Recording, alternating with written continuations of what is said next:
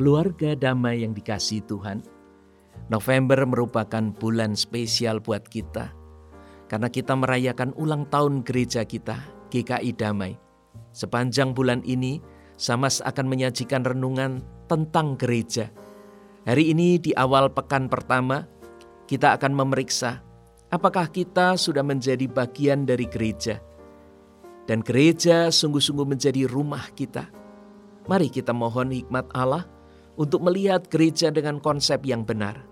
Mari kita berdoa. Bapa, kami rindu memiliki rumah yang sejuk, persekutuan yang hangat, tempat bertumbuh yang sehat, dan komunitas pelayanan yang menjadi berkat.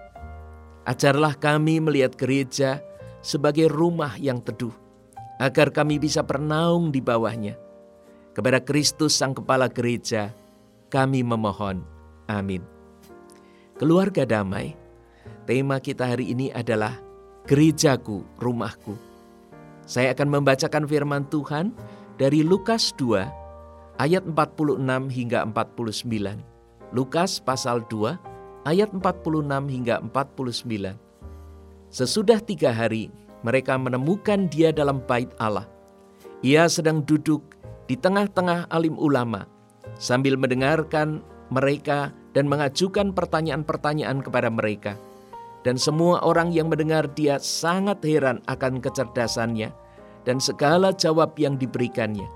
Dan ketika orang tuanya melihat dia, tercenganglah mereka. Lalu kata ibunya kepadanya, Nak, mengapakah engkau berbuat demikian terhadap kami? Bapamu dan aku dengan cemas mencari engkau. Jawabnya kepada mereka, Mengapa kamu mencari aku? Tidakkah kamu tahu bahwa aku harus berada di dalam rumah Bapakku? Demikianlah firman Tuhan. Mari kita bersama-sama merenungkan apa itu gereja. Ada apa di gereja? Apa fungsi gereja? Kapan kita harus ke gereja? Mari kita melihat bagian yang pertama, apa itu gereja? Biasanya orang mula-mula memahami gereja sekadar gedung atau ruangnya. Contohnya, entah sakral atau mistis, namun kesan itu sering muncul pada gedung atau ruang tertentu di gereja. Biasanya pandangan ini dipertentangkan secara ekstrim dengan pandangan meremehkan yang menganggap ah semua tempat itu sama sehingga bisa diperlakukan sekehendaknya.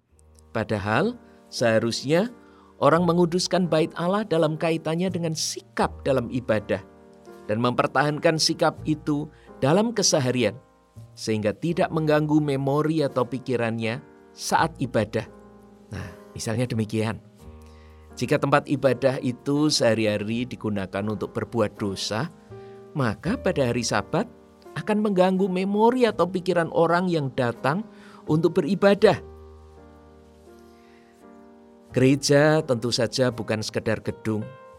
Gereja adalah kumpulan orang-orang percaya yang telah menerima keselamatan Kristus Roh Kudus menghimpun umat Allah dari segala bangsa, suku, kaum, dan bahasa ke dalam suatu persekutuan, yaitu gereja, di mana Kristus sebagai Tuhan dan Kepala. Di sinilah gereja harus menjadi rumah yang sejuk bagi semua orang, bukan karena gedungnya yang indah atau memiliki pendingin, namun karena ada persekutuan yang merangkul satu sama lain menjadi bagian dari sebuah keluarga. Makna persekutuan ini sekaligus menjawab pertanyaan yang kedua. Ada apa di gereja? Seperti saat Tuhan Yesus, Yusuf, dan Maria bersama dengan orang-orang lain menuju ke bait Allah. Gereja ada di tengah-tengah dunia sebagai arak-arakan umat Allah. Terus bergerak menuju kepenuhan hidup di dalam kerajaan Allah. Tiap umat berada dalam arak-arakan itu. Arahnya bukan hanya menuju bait Allah, tetapi menuju kepenuhan hidup, di mana kerajaan Allah hadir dan dinyatakan. Kalau gereja hanya menjadi tempat berkumpul para ibu, acang pamer kaum muda, atau membuat para aktivis mengadakan rapat dan mengabaikan keluarganya, maka tujuannya bukan lagi kepenuhan hidup, bahkan tanpa disadari bisa merupakan penolakan terhadap kehadiran kerajaan Allah yang bisa jadi kehendaknya yaitu kehendak Allah tidak selaras dengan program kita.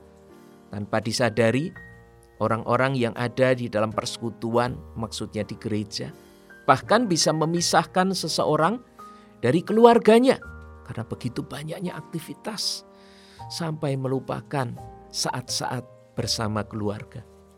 Kesan Yesus yang duduk di tengah-tengah alim ulama sambil mendengarkan dan mengajukan pertanyaan-pertanyaan sering dianggap sebagai anak yang tidak ingat waktu untuk pulang atau tidak peka terhadap orang tua yang mencarinya.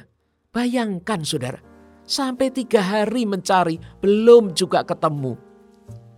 Tuhan Yesus tidak sedang melarikan diri atau bermain tanpa tujuan. Tetapi yang dia lakukan saat itu menunjukkan kebiasaan orang Yahudi yang datang ke bait Allah pada saat hari raya Paskah. Mereka tidak sekadar ke sana agar kelihatan sebagai umat Allah. Kalau enggak, kalau Paskah enggak ke gereja kan enggak enak. Namun untuk mendengarkan pengajaran, bisa bertanya kepada para ulama, bahkan mungkin para pemimpin agama saat itu juga menyampaikan aplikasi pengajaran di tengah situasi yang sedang dihadapi. Inilah yang diduga membuat Tuhan Yesus bertanya. Jadi bukan sekedar berdebat atau pamer kepandaian. Nah, bagian ini mengingatkan sebenarnya apa fungsi gereja. Gereja ditempatkan oleh Tuhan sendiri untuk melaksanakan tugas panggilannya dalam konteks sosial, politik, ekonomi, dan budaya tertentu. Banyak gereja yang berputar-putar dalam dunia hiburan, entertainment. Bahkan di saat daring ini mengejar subscriber atau follower. Ada pula gereja yang berlomba membuat program yang keren dan memukau, yang bisa dibanggakan, yang membuatnya menjadi gereja yang paling hebat. Renungan hari ini ditutup dengan pernyataan Tuhan Yesus. Tidakkah kamu tahu bahwa aku harus berada di dalam rumah Bapakku? Pernyataan ini sekaligus menjawab pertanyaan terakhir. Kapan kita harus ke gereja? Tuhan Yesus harus berada di bait Allah ketika Allah memberikan pengajaran, ketika kerajaan Allah dinyatakan dan orang perlu ada di sana untuk memahaminya. Tuhan Yesus bisa saja mempertanyakan tentang firman Allah yang tidak disampaikan dengan benar. Namun juga bisa bertanya, bagaimana umat Allah dalam hal ini gereja menjawab kebutuhan zaman itu? Apa kontribusi eh, umat Allah pada saat itu? Pertanyaan yang sama juga muncul bagi kita saat ini, terutama ketika kita mau merayakan ulang tahun gereja. Apa sesungguhnya kontribusi GKI Damai bagi Surabaya? bagi Indonesia. Mari kita mohon Tuhan menolong kita agar memiliki pemahaman dan sikap yang benar tentang gereja. Kita berdoa. Bapa, kami bersyukur karena kami boleh ditanam dalam sebuah gereja, bukan sekedar komunitas. Namun tubuh Kristus, di mana engkau sendirilah kepalanya. Buatlah kami menjadi persekutuan yang sejuk, memberikan damai sejahtera bagi siapa pun yang bertumbuh menjadi umat yang dewasa dan menjadi berkat bagi sesama. Dalam pimpinan Kristus, kami mengiring dan melangkah. Amin.